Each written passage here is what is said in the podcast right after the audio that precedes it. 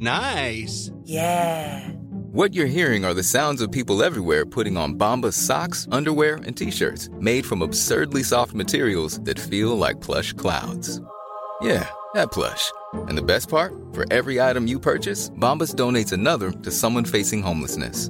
Bombas. Big comfort for everyone. Go to bombas.com slash ACAST and use code ACAST for 20% off your first purchase. That's bombas.com slash ACAST. Code ACAST. Tony Media. Het is oorlog in Europa. Gaan we allemaal dood in een kernoorlog? Nee, ik denk het niet. Gaat de oorlog de wereld veranderen? Dat weet ik zeker. In samenwerking met Dagblad Trouw probeer ik met deze podcast grip te krijgen op de oorlog. Hier houd ik je wekelijks op de hoogte van de situatie in Oekraïne en Rusland. En dit gebeurde er in week 14 van het tweede jaar van de oorlog.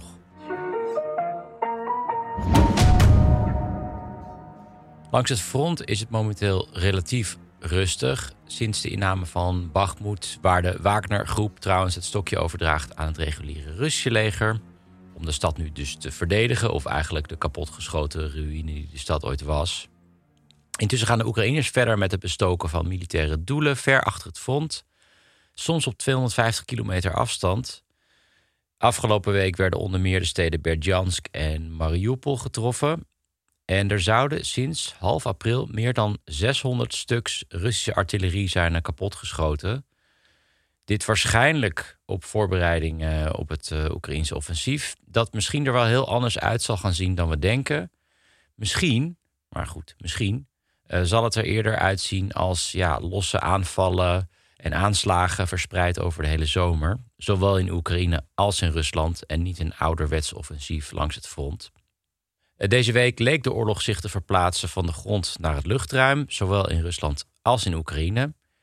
Om met Oekraïne te beginnen, de hoofdstad Kiev was de hele week doelwit van luchtaanvallen, raketten en drones in enorme aantallen tegelijk. En ja, de Russen proberen op die manier de luchtverdediging van de Oekraïners te overweldigen. Om een voorbeeld te geven, zondagnacht vielen tegelijkertijd 40 kruisraketten en 35 drones tegelijk neer op uh, Kiev. Dat was waarschijnlijk de ergste aanval op Kiev sinds het begin van de oorlog. Ze werden naar verluid allemaal neergehaald, wat ja, echt een ongelofelijke prestatie is als je erover nadenkt. En um, die massale aanvallen van de Russen die zijn er ook om de raketten die worden gebruikt voor de luchtverdediging op te maken. De Russen aan hun kant gebruiken vooral goedkope Iraanse drones, maar dat wordt dus neergehaald met hele dure raketten. En de vraag is hoeveel daarvan zijn. Gisteren waren er zelfs drie golven van Russische raketten op Kiev, waarvan er één overdag, wat ongebruikelijk is, want meestal zijn het aanvallen s'nachts of vroeg in de ochtend. De meeste raketten en drones werden weer neergehaald, maar een 31-jarige vrouw die kwam om het leven. Intussen neemt het aantal aanvallen op Russisch grondgebied ook toe. Nou, zoals gebruikelijk zegt de regering in Kiev er niet achter te zitten, maar vermoedelijk zitten er wel Oekraïners achter die aanvallen, al dan niet met goedkeuring van Kiev. Deze week vielen drones neer op de stad Krasnodar in het zuiden van Rusland. En opnieuw werden er dorpen op de grens met Oekraïne gebombardeerd. Aan Russische zijde dus. En vanochtend was er een massale aanval van drones op Moskou. Het zouden er tussen de 25 en 32 zijn. Er zouden 19 zijn neergehaald, maar heel veel is nog onduidelijk. En uh, Mihailo Podolyak, de adviseur van uh, Zelensky, die ontkende dat de regering in Kiev er iets mee te maken had. Maar hij zei wel met plezier naar de aanslagen te kijken en voorspelde ook nieuwe aanslagen in de nabije toekomst. Dus tja. Opvallend was het dat de Russische tv er geen breaking news van maakte. Maar ja, ik denk dan op zich gebeurt het niet elke dag dat er 30 drones met bommen op je hoofdstad vallen. Zij noemden alleen ja, dat er wat gebouwen licht waren beschadigd en dat er ook geen doden waren gevallen. Met andere woorden, ja, misschien zijn er wel gewonden gevallen. Ook opvallend is het dat ze alleen de drones noemden die op de stad Moskou vielen en niet de drones die neervielen op de dorpen rond Moskou, met name in de buurt van Rubljovka. En dat is de plek waar de meeste rijke en invloedrijke Russen wonen. En waarschijnlijk vormden deze drones de meerderheid. Er viel onder meer een drone neer op het dorp Ijinskoye. En dat is maar drie kilometer van Poetins residentie, waar hij ja, normaal slaapt. Er viel ook een drone neer op het dorp Znamenskoye. Daar woont dan de premier. En ook de minister van Defensie Shoigu in zijn enorme landgoed. Gefinancierd met miljoenen gestolen geld. Van ja, het ministerie van Defensie. Laat staan dat ze het op de Russische tv hadden over het dorp Zhukovka. Daar viel ook wat neer. En daar woont de minnares van Shoigu in een enorm huis. Nou, daar raak je Shoigu natuurlijk het meest mee om uh, ja, zijn minares te raken. Om Trump te parafraseren, grab him by the dick. Um, ja, het zou om simpele drones gaan met een klein bereik. En die zijn er waarschijnlijk afgevuurd in de buurt van Moskou. Veel bewoners hoorden ook het geluid van brommers. Dus het is, ja, dat is waarschijnlijk zo'n motor als ook eh, in de Iraanse drones uh, boven Kiev zit. En het doel van de Oekraïners is duidelijk, net als eerder bij de bom op het Kremlin en de inval in Zuid-Rusland, om de Rus te laten zien dat de oorlog ook hun kan raken en dat het geen ver van een bedshow is en ook om de zwakte van Poetin te tonen. Ja, die begon de oorlog zogenaamd om Russen in de Donbass te verdedigen. En een jaar later wordt juist Rusland bedreigd, tot in de hoofdstad Moskou aan toe. En er was een wijze bewoner van Moskou op Telegram, afkomstig uit de Atlasova-straat, die een drone hoorde inslaan eh, in de buurt van haar huis. En zij schreef: Ik weet niet wie al deze drones heeft gelanceerd, maar als het Oekraïne is, dan is het heel logisch dat dit gebeurt. Want Rusland bombardeert ook hun steden en dat gebeurt veel heftiger. Gaan we door naar de Russische media.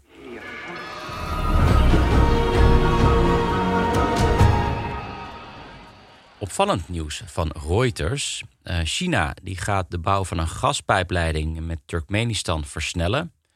En dat is echt een tegenslag voor Rusland, want de Russen hadden gehoopt om gauw te beginnen met de bouw van een gaspijpleiding door Siberië.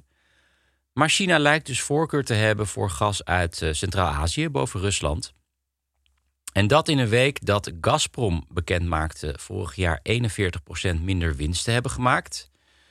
Dus in 2022 eh, ten opzichte van het jaar ervoor. En dat zal dit jaar natuurlijk nog een stuk lager liggen door de oorlog en de sancties. Overigens viel er vanochtend ook een drone neer in het dorp waar Alexei Miller woont. En hij is dan de CEO van Gazprom. Je hoort hier een bruiloft van een Oekraïns stel gisteren in Kiev. Het geluid is afkomstig van een video die veel gedeeld werd op de socials. Door de bombardementen van de Russen was het huwelijk eh, ondergronds in een schuilkelder van een flat. Omringd door warmwaterbuizen en uh, elektrische leidingen. Ja, het leven gaat gewoon door, ondanks die bommen elke dag, was dan de boodschap. En dat geldt ook voor de Oekraïnse voetbalcompetitie.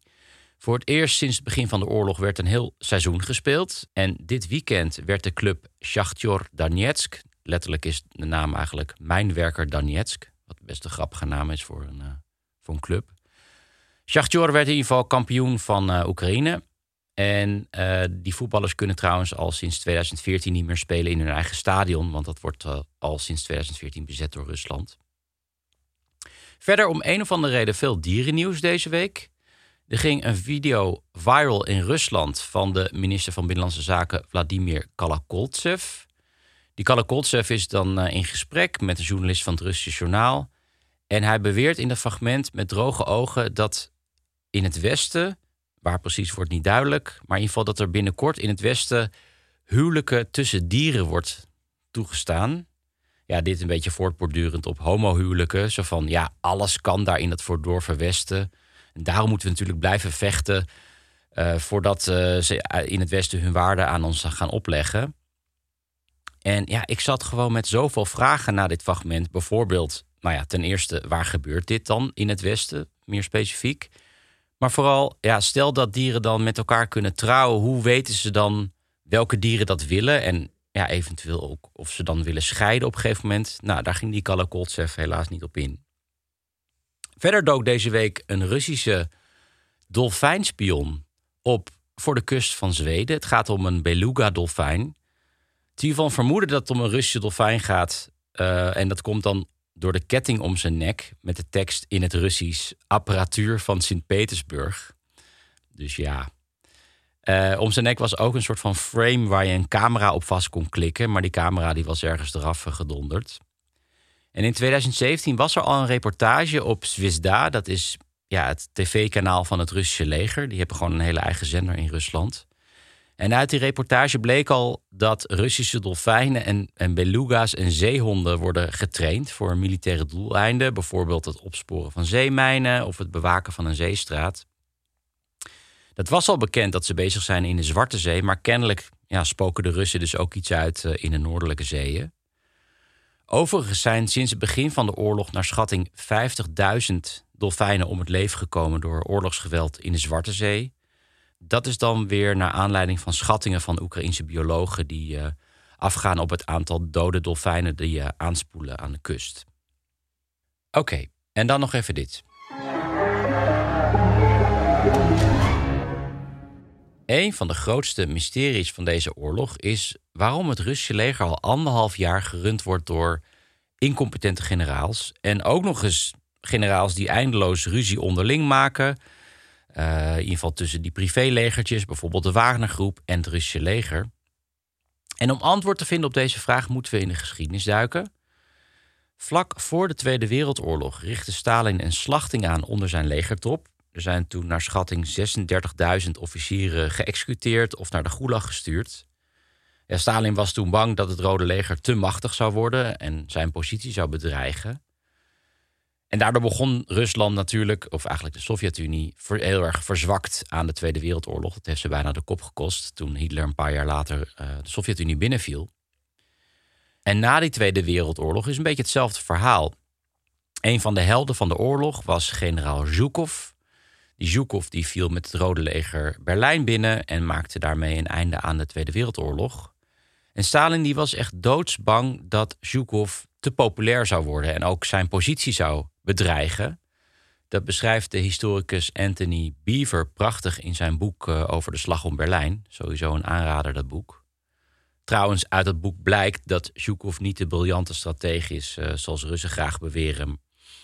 En dat Berlijn voornamelijk was uh, ingenomen met brute kracht en een hoop granaten, naar schatting 3 miljoen.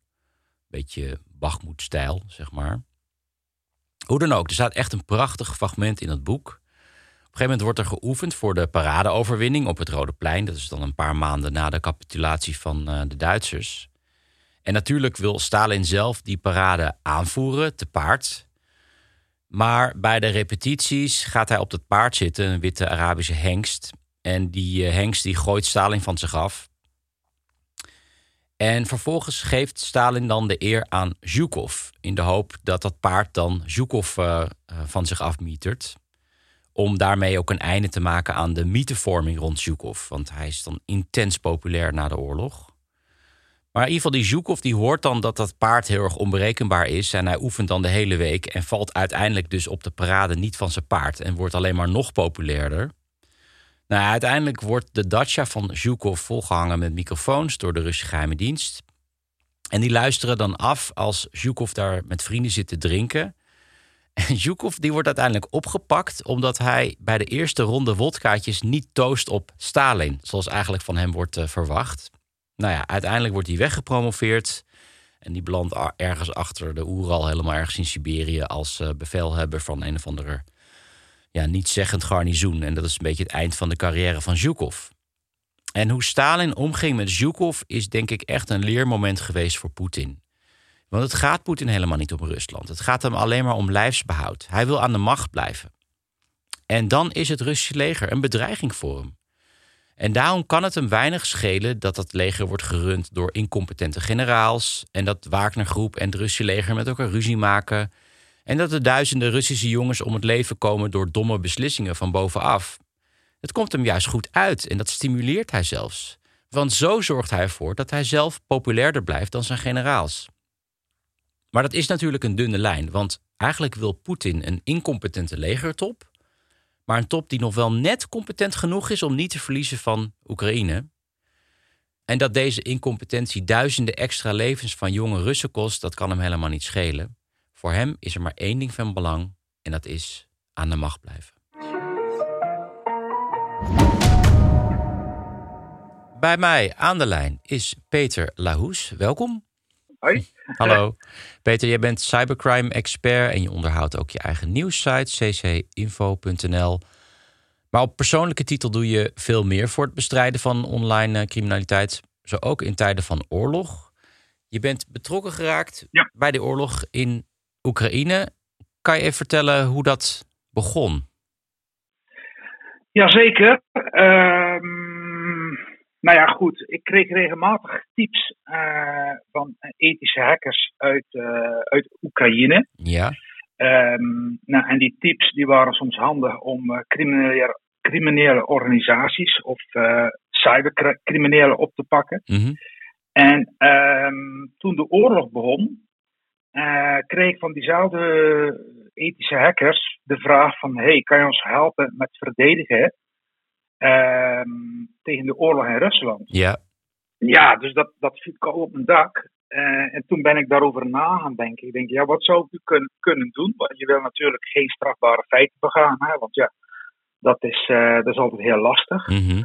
um, nou, toen dacht ik van, nou ja, goed, ik kan wat dingen uh, verzinnen. Um, niet zozeer um, Russische overheidsdiensten hacken of zo. Maar Ja. in ieder geval proberen om die mensen daar enigszins op de hoogte te stellen dat het niet om denazificatie gaat, maar dat het gewoon een oorlog is. Ja. Ja, even Ehm, een stapje en terug, hè, Peter. Want die, die ethische hackers, Ja, vielen die ook, of vallen die ook onder het Oekraïnse leger? Of, of eh, werken zij onafhankelijk van het Oekraïnse leger?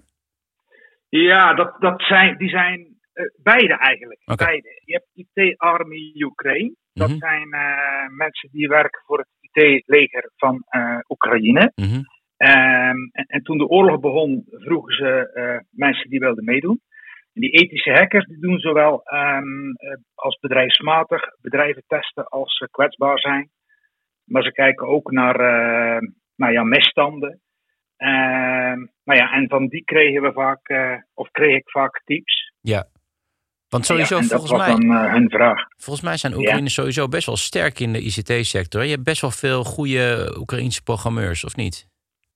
Absoluut, Ja. absoluut. Sowieso. De Russische, Russische mensen die zijn best wel goed in ICT. Ehm, en Oekraïne, ja, vergeet niet, die hebben al heel lang te maken met eh cyberoorlog van, eh, vanuit Rusland.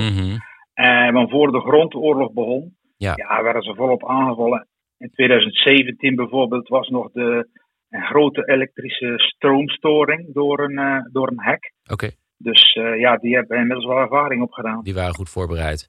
Maar goed, jij dacht, Ja. laat ik eh, een verschil proberen te maken in het informeren van Russische burgers. En toen? Ja, je hebt eigenlijk, je hebt eigenlijk drie, drie, drie grote categorieën van wat je op cyber zou kunnen doen. En dat is verstoren. Dus Mhm. zorgen dat diensten niet meer bereikbaar zijn. Eh, je zou, eh, een andere optie is eh, stuk maken. Dus ehm, nou, verstoren moet je denken aan een, een zo'n DDoS-aanval bijvoorbeeld. Hè? Of, of, of diensten ehm, ja, overbelasten. Ja. Stuk maken, dat, dat zijn dan vooral meer virussen, malwares. En een derde categorie, meest onschuldige, tenminste als je kijkt in, eh, in hoeverre dat het strafbaar is, Mhm. is dan het verstoren van desinformatie. Of Ja. desinformatie tegengaan. Nou ja, en dat laatste, dat dacht ik van, hé, hey, laten we daar eens mee beginnen. Om ehm, ja, mensen ehm, eh, ja, bericht te sturen Ja. ehm, in Rusland. Eh, van hé, hey, wat jullie eh, voorgeschoten wordt, klopt niet helemaal. Nou, dat soort acties. We hebben ook acties gedaan op reviews schrijven onder Google restaurants. Van, nou, in die zin van het eten is hier lekker, maar wist je dat eh, Poetin een onrechtmatige oorlog is begonnen? Ja. En dat was best wel succesvol, want die, eh, ja, iedereen leest dat. Maar deed je dat dan, eh, zo'n review met de hand? Of deed je dat, schreef je daar een scriptje voor of zo met een soort van bot? Ik bedoel, Beide, want nou ja, ik heb best wel een groot netwerk, omdat ik al best lang in de hackers scene zit. Mhm. En ehm, eigenlijk had ik een paar oproepjes gedaan en al heel snel ja, ging het wereldwijd. Dan werd het ook opgenomen in, ehm, in Amerika en zo. Ja, en dan krijg je de, ja, de, de, de, de massale mensen die gingen meedoen. En hele simpele dingen hoor. Want eh, als je bijvoorbeeld bij YouTube-kanalen zegt van eh, dit is eh, een nep, of je meldt het aan als, als, als, als fout. Mhm. Nou, en genoeg mensen doen dat, dan hoort YouTube-algoritme ehm, ja, die, die YouTube-kanaal eruit. Ja, precies. Nou ja, en dat, ja, dat hebben we massaal gedaan met Dus dat- kanalen die dus ver- Dat zijn Dus eigenlijk wat, wat, mensen van, ook- hey. wat mensen kunnen doen zonder enige ervaring met programmeren of met hacken. Maar ik begreep ook dat jij ehm, Ja. WhatsApp-berichten stuurde. Hoe ging Ja, dat in zijn werk? Ja, ja, Want dat lijkt me iets ja, lastiger. wij hebben dus... Dat is, eh, ja, dat is ook best wel geautomatiseerd. eh, wat we dus gedaan hebben, er zijn diverse datalekken. eh, hè, zowel in Nederland als in de rest van de wereld. Eh, en zo zijn er hele lijsten ook van Russische eh, telefoonnummers. Die kan je gewoon kopen En hè, in. Rusland. Voor een tientje of zo. Volgens mij zo'n hele Ja. database. Het is niet moeilijk om aan te komen in ieder geval. Nou ja, nee, zeker niet moeilijk. Maar je kan ze gewoon ook down- downloaden. Oké. Dus ja, weet je wel, is, ja, als je een beetje weet waar je dat moet vinden, dan, dan kan je het gewoon downloaden. Mhm. Nou ja, en eh, met automatische scriptjes worden dan eh, berichtjes gestuurd in het eh, Russisch. Hè? Ja. En ehm, om zo die mensen ehm, ja, daar bewust te maken. En af en toe kwam er dan ook reactie van: hey, in een documentaire heeft ik daar een voorbeeldje van, van dat iemand zegt van wij hebben het hier hartstikke goed in de Donbass. En ehm, Rusland ja, is hartstikke goed voor ons en wij verjagen de nazi's. Nou ja, en daarna, Want, want eh, dat is dan als, re- als reactie op het Ja. bericht dat jij stuurde. Maar wat stond er dan in jouw bericht? eh, we hebben verschillende scriptjes, eh, verschillende teksten ehm, in het Russisch die we gemaakt hebben Mhm. over de oorlog, hè, dus van, van de, de werkelijke feiten. Ja. En, en dan krijg je daar reactie op. En, en als er dan reactie was, ja. hoeveel mensen heb je dat ongeveer verstuurd? Of hoeveel berichtjes? Eh, nou, ik denk de eerste maand zaten we al op 10 miljoen. Dus ehm 10 miljoen? ja, ja. Oh, ik dacht dat je iets van Ja, 10.000 ik dacht ging zeggen of zo. Maar dat is Nee, eh, gewoon, nee, nee. ja, ongeveer 10% van de bevolking in Rusland heeft een berichtje van jou gekregen. Ja, nou ja, niet alleen van mij, van ons, hè, want we hebben, Ja. dat, we hebben dat opgesteld. Ja. En dan kan, kan iedereen aan meedoen. Oké. Ja, maar op een gegeven moment hadden we 15 miljoen berichtjes hoor. En ik Va- moet zeggen, in het begin 50, was het 50 best wel... miljoen, zei dat? Ja, Oké. ja, ja, ja, ja, ja. Maar, Ja, dat gaat, ja.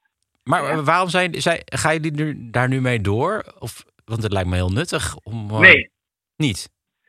Nou, dat, daar gaan we nog eens over na- nadenken. In het begin werkte dat wel. Want je zag dus wel echt mensen die gingen op straat komen. En, eh, en ik weet natuurlijk niet als dat alleen door die berichtjes kwam. Ja, Maar we kregen er best wel positieve reacties op. ja. Waardoor mensen op straat gingen en vragen gingen stellen en betogen. Alleen ja, als Poetin dan vervolgens eh, het strafbaar maakt tot 15 jaar, ja, dan eh, wordt het alweer lastiger. Dus Maar- die repressie van de politie en de overheid daar, ja, dat was wel heftig. Maar, maar los van of Russen er wat mee Ja. doen of niet, het lijkt me een heel erg gewoon machtig eh, propagandamiddel. Als je, Ja. als je 50 miljoen Russen kan bereiken, ik zou gewoon af en toe nog een berichtje sturen. Ja, nou dat kan. Het zijn een soort uh, het idee is eigenlijk ontstaan van wat je vroeger had. Je had uh, pamfletten, wat Ja. met vliegtuigjes over. eh, ja, nou dat idee en nu digitaal. Ja. En dat kan je natuurlijk heel snel doen.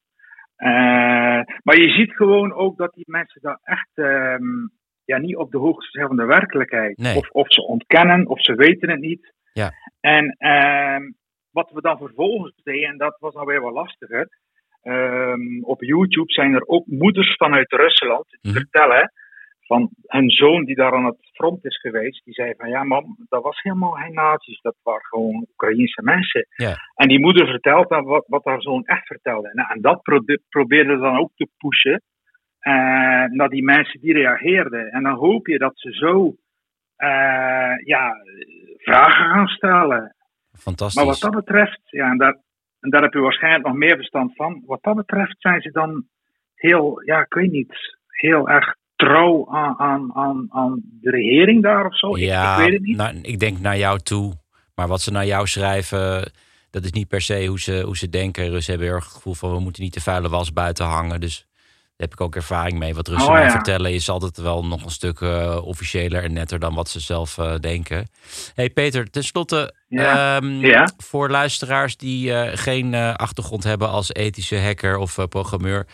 Zijn er nog dingen waar die luisteraars zelf kunnen betekenen? Is er, is er een, een, een- ja, je noemde zelf al reviews schrijven bij Russische restaurants. Heb je nog tips waar mensen kunnen Nou, kijken? Ja, ja, ik heb op mijn website heb ik eh, op ccinfo.nl of cybercrimeinfo.nl Dan zie je op een gegeven moment het witte vlak staan Oekraïne, cyberoorlog. Ja. Ehm, en daar heb ik dus allerlei informatie van welke pro-Russische hackers zijn er, welke pro-Oekraïnse, uh, wat zijn de cyberaanvallen op onze infrastructuur. En dat staan ook, ook onder tips, zeg maar. Oké. Uh, dus het strooien van digitaal pamfletten, YouTube-kanalen. Dan heb ik nog een andere, dat is een wat meer omstredener uh, toestandje, maar uiteindelijk is het ook niet strafbaar, is bepaald door OM. Mm Dat is een soort, um, door, doordat je een pagina opent, ja. worden de servers van Kremlin en andere Russische overheidsinstanties overbelast. Oké. Okay. Nou, nou ja, dat kunnen mensen ook gewoon doen. Je zet oh. gewoon de pagina open en daar gaat hij contact zoeken. Ja, en die websites die liggen dus continu eruit. Fantastisch. Dus ja. Lekker even het Kremlinpad ja, leggen.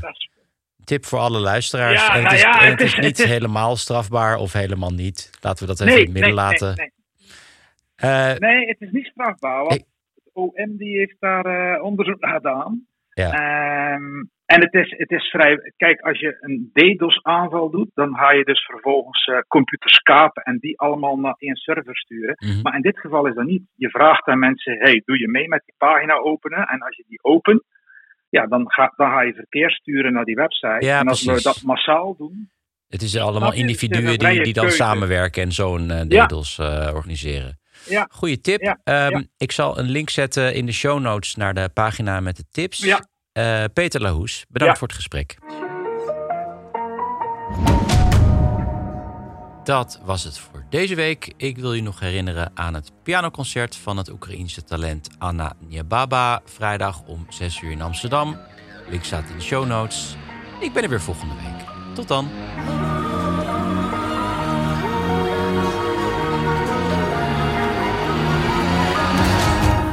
Dit was een productie van Tony Media en Dagblad Trouw. Voor meer verdieping ga naar trouw.nl. Planning for your next trip? Elevate your travel style with Quince. Quince has all the jet-setting essentials you'll want for your next getaway, like European linen, premium luggage options, buttery soft Italian leather bags, and so much more.